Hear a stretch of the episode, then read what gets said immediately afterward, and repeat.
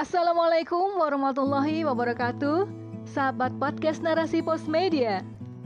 Narasi Pos, cerdas dalam literasi media, bijak menangkap peristiwa kunci. Sahabat muslimah, salah satu reaksi yang ditampakkan oleh manusia manakala menghadapi suatu peristiwa adalah dengan kemarahan. Nah, ternyata ada beberapa tips yang bisa kita ambil loh saat marah melanda. Pengen tahu nih, apa sih tips-tipsnya? Yuk kita meluncur ke rubrik motivasi dengan judul Jangan Marah Sayang oleh Dina Nur. Sahabat muslimah, kehidupan pernikahan tak selalu berjalan mulus. Riak-riak kecil sering mewarnai bahtera rumah tangga. Badai juga terkadang hadir menguji nyali dan komitmen yang dipanjang sejak akad terucap. Setiap ujian punya caranya tersendiri dalam memberi pelajaran kehidupan. Sahabat muslimah, tak selalu hal besar yang menimbulkan perselisihan dan perpecahan. Hal kecil yang seolah sepele juga bisa menggoyahkan mahligai perkawinan. Kebiasaan-kebiasaan yang remeh bisa memicu amarah hingga perdebatan. Handuk basah yang ditaruh sembarangan bisa sangat menjengkelkan istri, terutama bila sedang repot dengan berbagai urusan rumah tangga. Istri pun mengomel tiada henti apa susahnya sih menaruh handuk di tempatnya? Sang suami menanggapinya dengan santai dan mengatakan, Tolong ya sayang. Sambil menyerahkan handuk itu pada istrinya. Muka cemberut istri kian menekuk. Kejengkelan pun bertambah.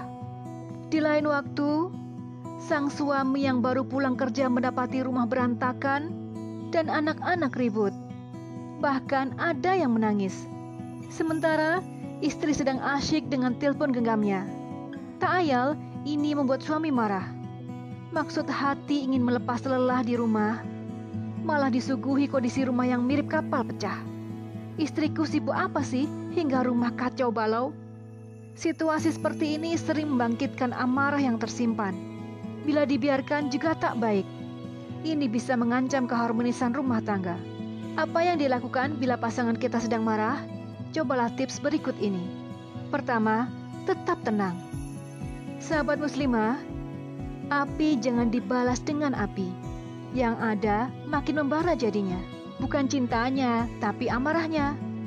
Bayangkan bila pasangan tengah panas, lalu kita hadapi dengan panas pula. Amarah dilawan dengan amarah, seisi rumah jadi terbakar. Sebaliknya, sahabat muslimah, Hadapi dengan kepala dingin biar redam suasananya. Kita jangan terpancing ikutan terbawa emosi. Bila dia marah, maka kita jadi es yang mendinginkan. Harus ada salah satu yang tetap menjaga kewarasan saat yang lainnya tengah dilanda emosi tinggi. Karena saat marah, orang cenderung sulit mengontrol perkataan dan perbuatan. Tips yang kedua adalah meminta maaf. Minta maaflah padanya. Dengan minta maaf, orang yang sedang marah akan jadi melunak. Dia yang awalnya hampir meledak akan mulai meleleh setelah mendengar permintaan maaf yang tulus dari kita.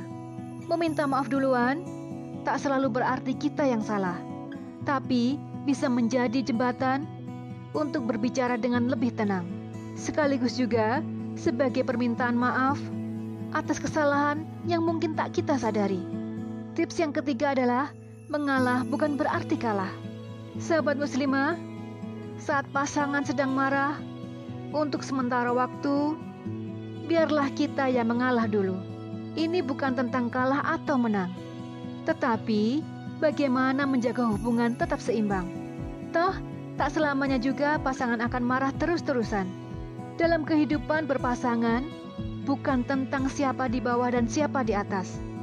Bukan hubungan hierarki Kehidupan suami istri bukan kompetisi, melainkan untuk saling mengisi dan melengkapi.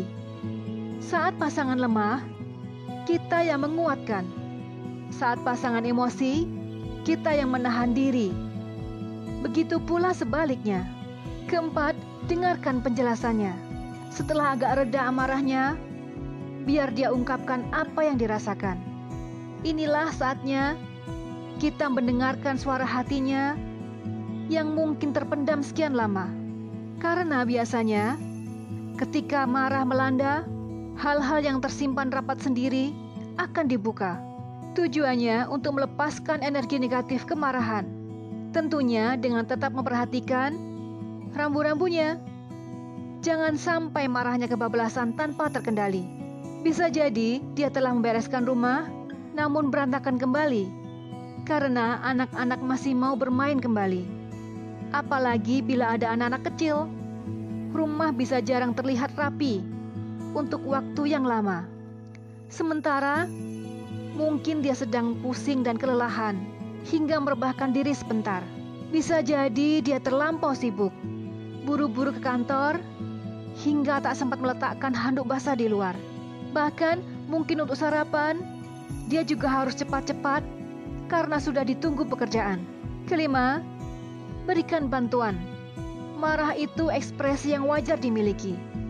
Biasanya karena kelelahan yang sangat pada fisik menjalar psikis, menyebabkan emosi bisa tersulut dengan gampang. Bahkan, hal sepele pun juga bisa memicu bom waktu amarah untuk meledak. Pekerjaan yang tiada habisnya, sementara tenaga telah terkuras, menjadikan marah sebagai pelampiasan.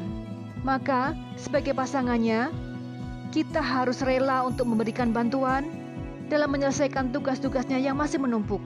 Bantuan kecil menjadi amat berarti mengurangi bebannya. Kita harus peka bila dia sudah menunjukkan tanda-tanda kelelahan. Berikan bantuan bahkan tanpa diminta dulu. Yakinlah, ia akan sangat berterima kasih. Tips yang keenam adalah rayulah dia.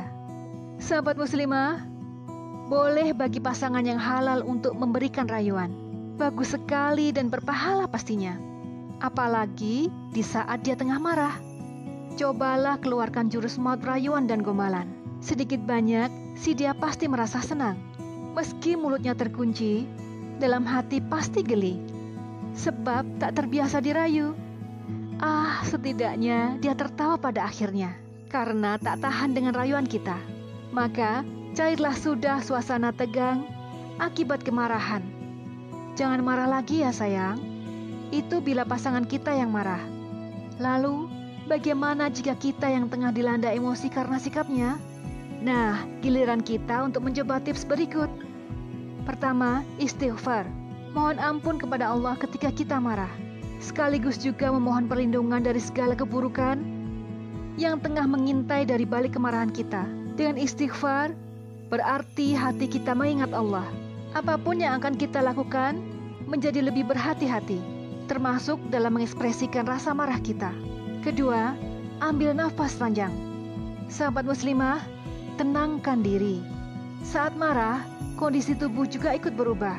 Tekanan darah meningkat, napas menjadi lebih cepat, dan detak jantung juga naik. Tubuh berada dalam tekanan atau stres.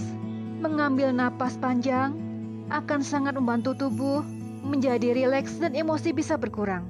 Ketiga, istirahat sejenak. Sahabat muslimah, marah sering kali terjadi karena tubuh yang lelah dan kurang istirahat. Berikan tubuh kita haknya untuk beristirahat. Lagi pula, melakukan sesuatu dalam kondisi capek dan marah juga bisa menyebabkan kita tidak fokus.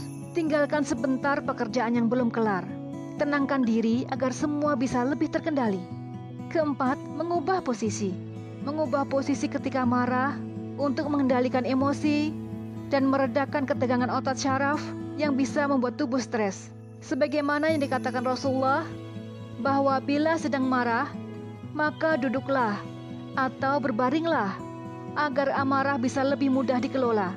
Lebih baik lagi, bila kemudian mengambil wudhu dan salat sunnah dua rakaat, maka itu pasti sangat bisa menghindarkan kita dari pelampiasan amarah yang akan kita sesali kemudian.